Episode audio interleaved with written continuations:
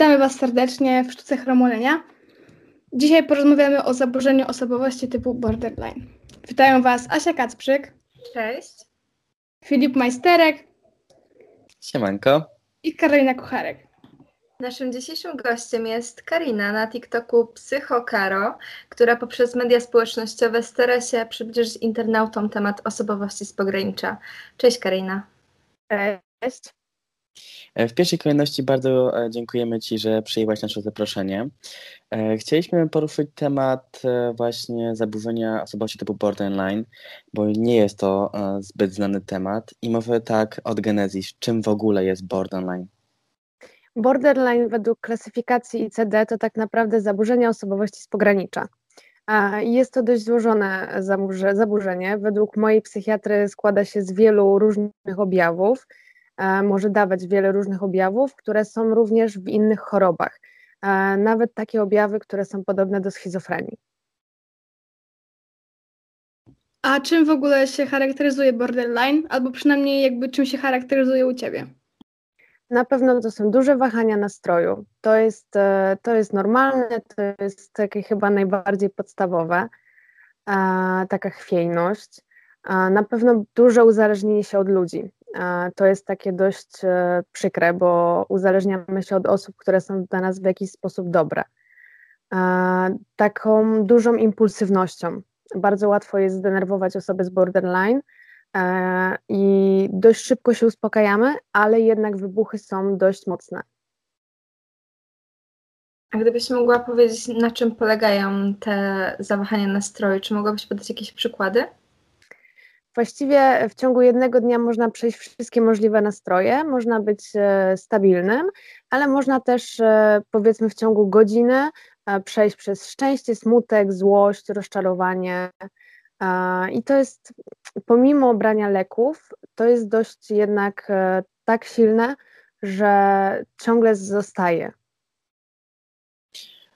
Czyli mniemam, że przeszkadza to w funkcjonowaniu codziennym czy da się z tym żyć normalnie? Da się z tym żyć, da się do tego przyzwyczaić. Da się to uspokoić lekami, da się to uspokoić terapią, pracą nad sobą, no ale wiadomo, że zawsze jednak jakieś lekkie wahania zostaną. A jakie w ogóle te takie codzienne trudności sprawia Ci choroba? E, właściwie tutaj warto zaznaczyć, borderline nie jest chorobą. Nie, to jest zaburzenie osobowości, nie jest to choroba. E, I tak na co dzień, e, no to chyba najgorsze na co dzień są właśnie zaburzenia nastroju. Całą resztę da się uspokoić. Na zaburzenia nastroju nie za bardzo mamy wpływ. I to jest bardzo też zależne od naszego otoczenia, od osób, które są wokół nas, od uczuć innych osób, bo nie wiem, czy wszyscy tak mają, ale ja na przykład jestem bardzo empatyczną osobą i ja bardzo łatwo przejmuję nastroje innych osób i to jest takie troszeczkę upierdliwe na co dzień. A powiedz, czy borderline to jest zaburzenie, które koniecznie wymaga terapii i brania leków? E, powiedz w ogóle, jak to się leczy? Jak przebiega Moje... taka terapia? Mhm. Wymaga terapii. Myślę, że jeżeli komuś się udało wyjść e, z tego bez terapii, no to bardzo gratuluję. Ale moim zdaniem e, ta terapia jest jednak konieczna. Leki to jest tylko poboczny taki temat. Moja psychiatra zawsze mi to opisuje tak jak kule dochodzenia. One pomogą, ale nie wyleczą problemu. I tak samo jest z lekami. Tutaj e, głównym e, leczeniem jest terapia. I tutaj A... chciałam jeszcze wrócić do, e, do tego, co powiedziałaś wcześniej, bo mówiłaś o relacjami z ludźmi. I jak czytałam jakby charakterystyki bordera, to było napisane, że jest, była podana nieumiejętność budowania stabilnych relacji z ludźmi, i czy to jest prawda? Czy właśnie tobie przez, e, przez to zaburzenie jest trudniej budować relacje? To jest zdecydowanie prawda. A masz jakby, wiesz, może, na... jaka jest przyczyna tego? Czy jakby, czy coś ci siedzi w głowie takiego, że jest ci trudniej budować te relacje, czy, czy jest to tak bez powodu? Na pewno jestem bardzo podejrzliwa i są osoby, które to zrozumieją i, e, i będą to jakoś tam w sposób pewien akceptować, a są osoby, które będzie to na tyle irytować, że po prostu się odwrócą, bo faktycznie ja potrafię pisać wiadomości pod tytułem na pewno już mnie nie lubisz, nienawidzisz mnie, masz mnie dość i tak dalej. I to nie jest tak, że ja do końca chcę to napisać. Mną kieruje wtedy moje zaburzenie osobowości. Ja czuję taką potrzebę napisania tego. No i tak jak mówię, nie wszyscy to po prostu zniosą. To może już powrócił do jednego tematu. Kiedy e, zwróciłaś uwagę, e, domyśliłaś się, czy ktoś ci pomógł e, z dojściem do świadomości tego, że masz e, takowe zaburzenie? Ja leczę się psychiatrycznie od prawie 10 lat i tutaj e, moi rodzice byli takim punktem zapalnym i to oni bardzo się starali o to, żebym trafiła do psychiatry. Mm, na początku moją diagnozą była dwubiegunówka i z tą diagnozą żyłam przez dłuższy czas i dopiero połączenie psychoterapii i mojej pani doktor e, dało ten skutek, że to jest borderline i dało mi to tą diagnozę. Wcześniej e, właściwie, jak ja usłyszałam diagnozę, to o borderze praktycznie się jeszcze nie mówiło. To było takie magiczne zaburzenie, o którym niby ktoś coś wiedział, ale tak naprawdę nikt nic nie wiedział. Więc wszystko, co w tamtym momencie się dowiadywałam, dowiadywałam się tylko i wyłącznie od mojej psychiatry. Jasne, rozumiem. E, powiedziałaś, że w pierwszej kolejności miałaś stwierdzoną e, chorobę dwubiegunową.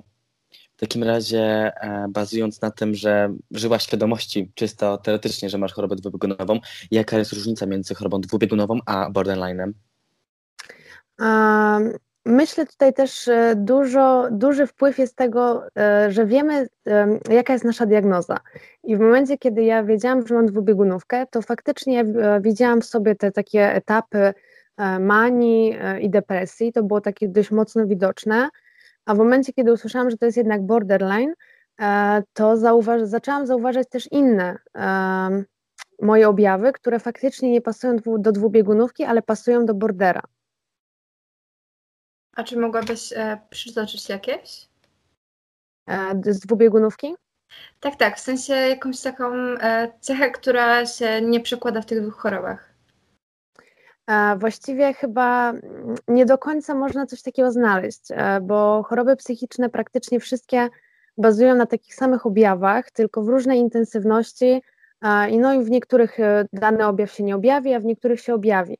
Ale tutaj, jeżeli chodzi o dwubiegunówkę i bordera, to z tego co wiem, nawet niektórzy psychiatrzy mają problem z rozróżnieniem tego, chociaż nie do końca potrafię zrozumieć dlaczego, ale no, rozumiem, bo, bo jest to trudne do rozróżnienia, bo właściwie bazuje dokładnie na tych samych objawach. To ja tak jeszcze zapytam, czy jeżeli chodzi o Twoją rodzinę i najbliższych, mm, to jakby jak im wytłumaczyłaś e, to swoje zaburzenia, jakby jak oni do, do tego podeszli? Moja rodzina jest bardzo dzielna i sami e, dowiadują się, słuchają tego, co do nich mówię. Ja im przekazuję informacje od mojej pani doktor, sami się próbują gdzieś tam edukować, więc e, wiedzą, na czym to polega. Wiadomo, pewnie ciężko jest im czasami zrozumieć moje zachowania, ale widzę, że się starają. A myślisz, że oni traktują cię jakoś inaczej przez wzgląd na, na borderline? Myślę, że troszkę tak. A czy to ci jakoś przeszkadza w jakikolwiek sposób, czy raczej jest to takie neutralne? Albo jest jeszcze nawet lepiej? Neutralne. A powiedz, czy usłyszałaś może kiedyś, że jesteś toksyczna? E, chociażby jak mówiłaś o tych relacjach, że czasami pisze się, czy mówi po prostu to, czegoś tak naprawdę wewnętrznie nie czuje. A, tak, usłyszałam i to są przykre słowa usłyszeć coś takiego. A, no ale niestety no, zdaję sobie sprawę z tego, że ktoś, kto nie do końca rozumie mo, moje zaburzenia, odbierze moje zachowania jako właśnie takie toksyczne. A czy później musiałaś się z tego tłumaczyć? Zawsze się tłumaczę. E, mam tak, że jeżeli zrobię coś, co dla kogoś jest niekomfortowe, to od razu, jak tylko dojdę do siebie, uspokoję się, to zaczynam się tłumaczyć. Tylko, że no już to, że moi najbliżsi, tacy najbliżsi, oni doskonale wiedzą, że to nie jest dyktowane przeze mnie, tylko przez zaburzenie i, i troszeczkę machają już na to ręką. A w jakich sytuacjach najczęściej objawia się u Ciebie e, borderline? E, co, je, co charakteryzuje te sytuacje? Czy są to sytuacje stresujące, czy, czy taki masz moment relaksu i nagle bum, pojawia się? Jeżeli chodzi o relacje, to w pewnym momencie przychodzi takie zmęczenie materiału. Czasami szybciej, czasami wolniej, e, ale zdaję sobie sprawę z tego, że na przykład ja już nie mam ochoty przebywać z tą osobą, ja już nie chcę z nią rozmawiać, nie chcę z nią spędzać czasu. I to po prostu przychodzi tak czasami po pół roku, czasami po roku, czasami po dziesięciu latach. To zależy dużo od osoby i od tego, co się dzieje akurat we mnie. A najczęściej, najczęściej objawy się pojawiają e, w sytuacjach takich stresowych e, lub gdy jestem zdenerwowana. Gdy ktoś mnie zdenerwuje, to wtedy zaczyna ze mnie wychodzić e, faktycznie ten border. E, powracając do relacji, czy zaburzenie osobowości typu borderline obliguje cię do tego, żeby być w życiu samotną? E, tutaj to zależy od okresu, w jakim jestem. Jak jestem w dobrym okresie, to uważam, że nie. Jak jestem w takim gorszym okresie, to niestety uważam, że tak. Mogłabyś to jakoś sprecyzować? E, w sensie chodzi mi jakby, kiedy masz nie, nie wiem za bardzo, jak to wytłumaczyć, ale jakby jak się objawia u Ciebie ten dobry okres i ten zły okres, jeżeli chodzi o jakby relacje z ludźmi? Dobry okres to jest taki, kiedy ja wewnętrznie jestem bardzo szczęśliwa i wtedy po prostu wszystkich kocham, wszyscy są dla mnie cudowni, wszyscy są idealni, wszystkich idealizuję. A gorszy okres jest wtedy, kiedy hmm, zaczynam się od wszystkich odcinać a, z jakiegoś powodu a, i wtedy faktycznie no, jest gorzej. A czy potrafisz jakby walczyć e, z tym odcinaniem się od, mm, od znajomych i najbliższych? Potrafię, na, w jakimś tam stopniu, ale potrafię. A czy nie boisz się e, takiego momentu w życiu, że odetniesz się już od wszystkich i no wiadomo, nie chodzi o rodzinę, bo rodzina rozumie i jest przy tobie i mam nadzieję, że cię wspiera, ale chodzi mi o przyjaciół czy relacje stricte e, związkowe. Nie boisz się tego, że przyjdzie jakiś taki moment, że, że nikogo nie będzie obok ciebie? E, miałam już takie momenty w swoim życiu. E, nie są to fajne momenty i faktycznie gdzieś tam głęboko taka obawa jest. Jak długo one potrafią trwać? Czy jest to zależne od osoby, czy jest to bardziej tak scharakteryzowane już naukowo pod względem e, tym psychicznym? U mnie to wszystko zależy od danej osoby. E, jeżeli dana osoba jest na przykład tak samo impulsywna jak ja, e, no to czasami trwa to latami. A w jaki sposób starasz się panować nad właśnie tą niestabilnością nastrojów lub właśnie przed takim odcięciem się od tych ludzi? E, po pierwsze, ja bardzo pilnuję e, brania leków. To jest dla mnie e, świętość nad świętościami. Po drugie, jestem cały czas w terapii. I po trzecie, sama staram się edukować na tyle, na ile daję radę. Czytam książki, które gdzieś tam poleca mi na przykład moja terapeutka, lub gdzie, które, takie, które są polecane na grupach psychologicznych.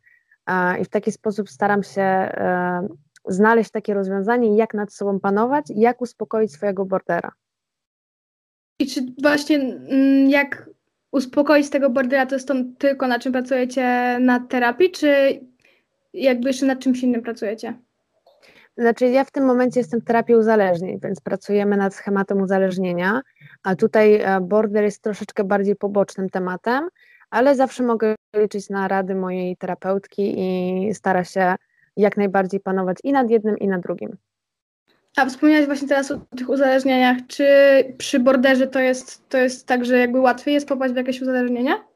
Podobno tak. Podobno osoby z borderem mają duże skłonności do uzależnień.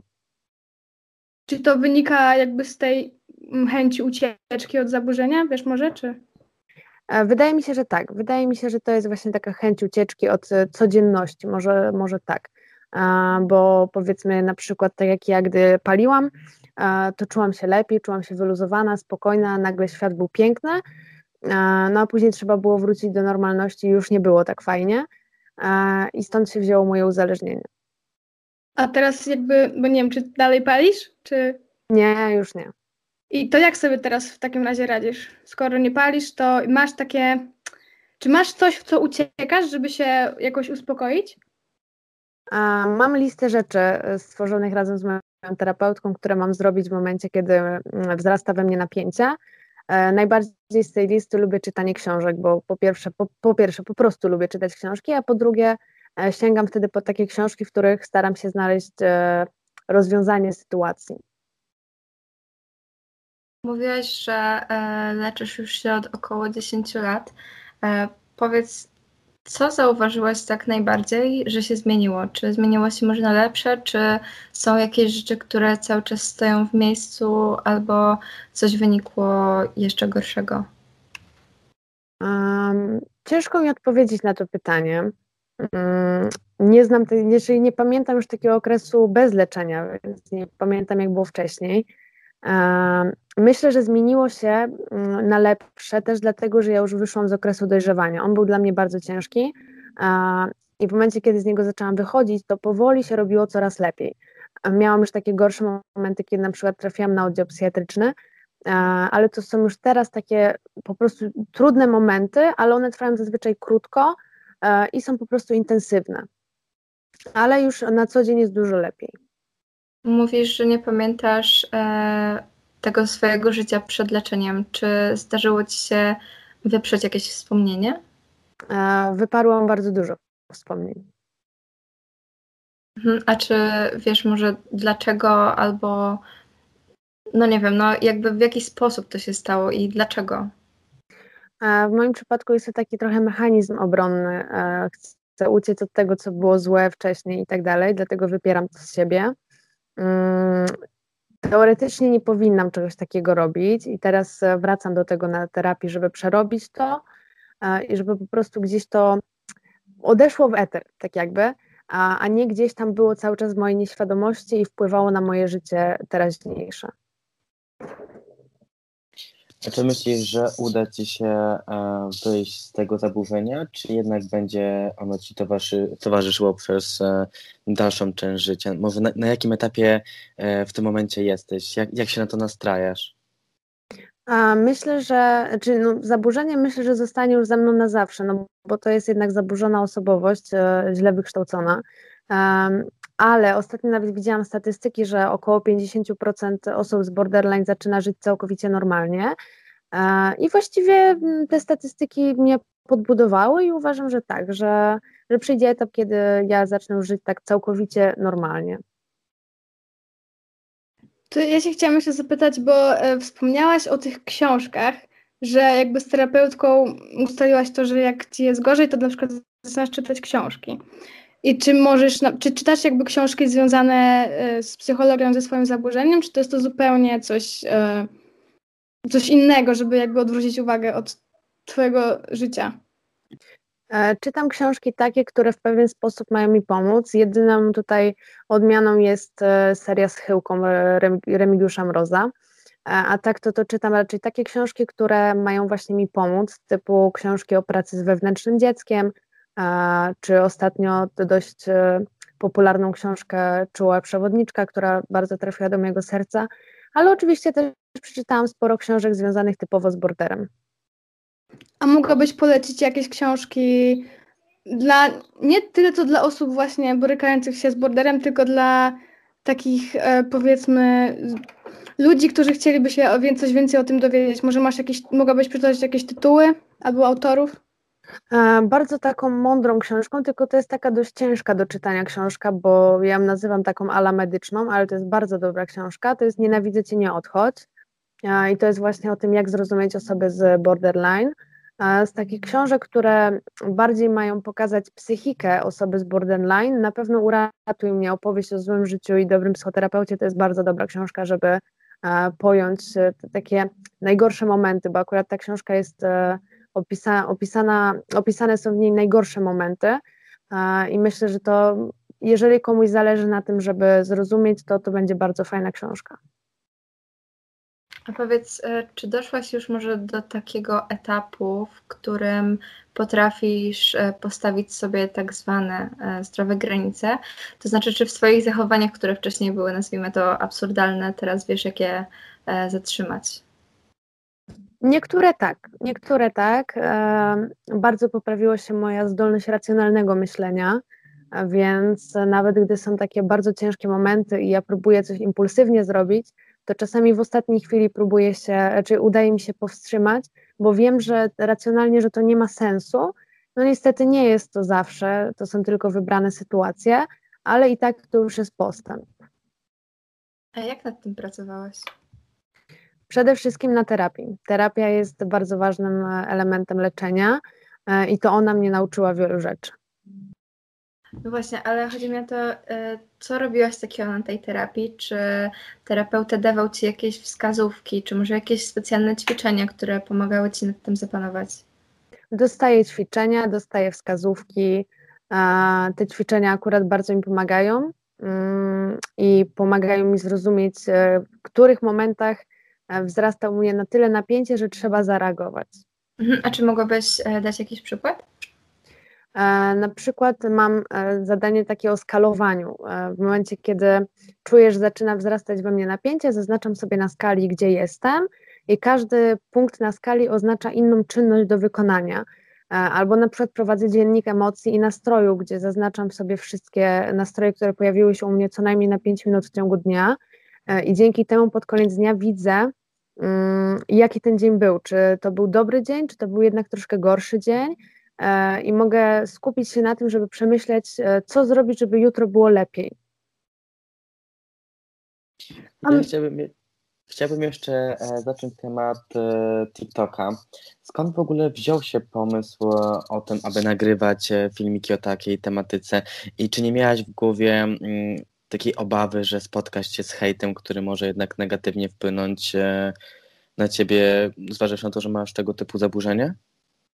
Właściwie ja na TikToku zaczęłam nagrywać e, po prostu takie głupie filmiki i w pewnym momencie pojawił się jeden filmik na temat bordera. Zauważyłam, że ludziom to się spodobało, więc zaczęłam nagrywać więcej. I spotyka mnie czasami hejt. Czasami jest mi go łatwiej znieść, czasami ciężej, e, ale radzę sobie z nim i nie wpływa jakoś bardzo na moje samopoczucie. A czego głównie dotyczy ten hejt?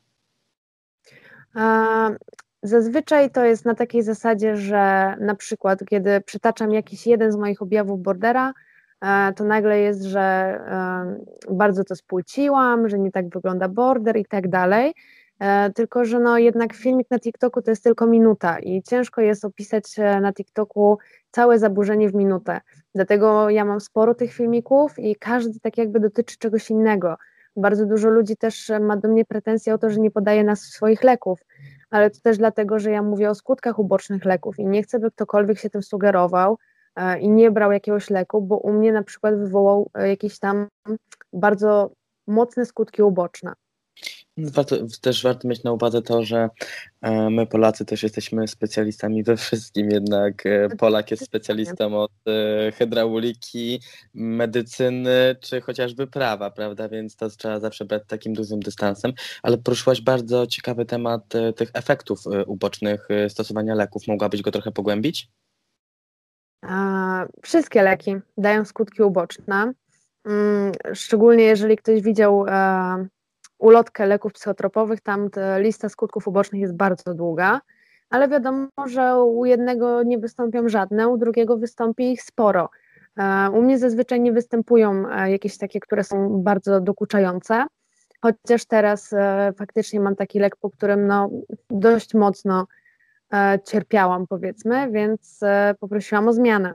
Dlatego też nie wyobrażam sobie sytuacji, w której miałabym powiedzieć nazwę tego leku, i ktoś by później e, zrezygnował z brania tego leku, gdzie on ma, miałby być dla niego dobry, tylko dlatego, że u mnie był taki, a nie inny skutek uboczny, bo jednak mimo wszystko u każdego e, te skutki uboczne są inne. A czy mogłabyś powiedzieć tak naprawdę skąd bierze się borderline? Czy są jakieś czynniki, chociażby w naszym dzieciństwie, które mogły ukształtować to, że mamy takie zaburzenie osobowości? Nie wiem, jak to jest dokładnie, bo ja się zawsze skupiałam na takim jednym, że to, co się działo takiego jakby złego w dzieciństwie, e, poskutkowało tym, że nasza osobowość się zaburzyła. E, no ale to, to wiem, że to też nie jest tylko i wyłącznie wina dzieciństwa, takiego, które na przykład jest w domu, ale to też jest kwestia rówieśników, e, kwestia jakiejś dalszej rodziny, kwestia znajomych. I też wiele innych kwestii, o których nie chciałabym mówić, bo mm, nie zagłębiałam się w to tak bardzo, e, żeby o tym gadać, bo nie chciałabym nikogo po prostu wprowadzić w błąd. A czy jest jakiś obszar w Twoim życiu, nad którym nie masz kontroli? Wydaje mi się, że nie ma takiego obszaru. Wydaje mi się, że nad wszystkim mogę mieć kontrolę, e, tylko nie zawsze ją mam, ale nie ma takiego obszaru, na którym totalnie nie miałabym nigdy kontroli. To ja jeszcze tak na koniec mam takie pytanie. Jeżeli możesz poradzić nam i słuchaczom na przykład yy, jakby, yy, nie wiem jak to nazwać, nie wiem, co robić na przykład, żeby sprawić, żeby, żebyśmy byli nie, kurczę, nie wiem, co, naprawdę nie wiem, jak to tak nazwać, to może inaczej. Jak możemy uświadamiać społeczeństwo w temacie borderline? I jak jakby sprawić, żeby nasz świat i żebyśmy my sami byli lepsi e, dla, tak, dla takich ludzi, żeby w żaden sposób ich jakby. O Jezu, nie wiem, jak to nazwać. Więcej osób będzie prze, przekazywać takie dobre wiadomości na temat borderline, czyli nie jakieś tam e, wyssane z palca rzeczy, które ktoś gdzieś kiedyś przeczytał w odmętach internetu, tylko osoby, które faktycznie zmagają się z tym zaburzeniem, będą o tym więcej mówić, będą edukować innych, to myślę, że w pewnym momencie, mm, nie mówię, że wszyscy, ale większość osób zrozumie, na czym to polega, będzie potrafiło wesprzeć taką osobę, e, i wtedy życie takich osób stanie się na pewno łatwiejsze, bo też zniknie stygmatyzacja może nie całkowicie, bo wiadomo, że no, społeczeństwa całego nie da się zmienić, e, ale myślę, że w dużym stopniu i to też na pewno ułatwiłoby życie osobom, które mają bordera. E, Karolino, zbliżyliśmy się już do końca naszej audycji, więc pozostaje nam e, podziękować i w sumie pogratulować odwagi, bo mało która osoba jest w stanie mm, mówić tak otwarcie o swoich e, zaburzeniach. Naszych słuchaczy zapraszamy na Twojego TikToka, Psychokaro, e, a Tobie życzymy wszystkiego co najlepsze. Jeszcze raz dziękujemy. Dziękuję Wam bardzo i Wam również.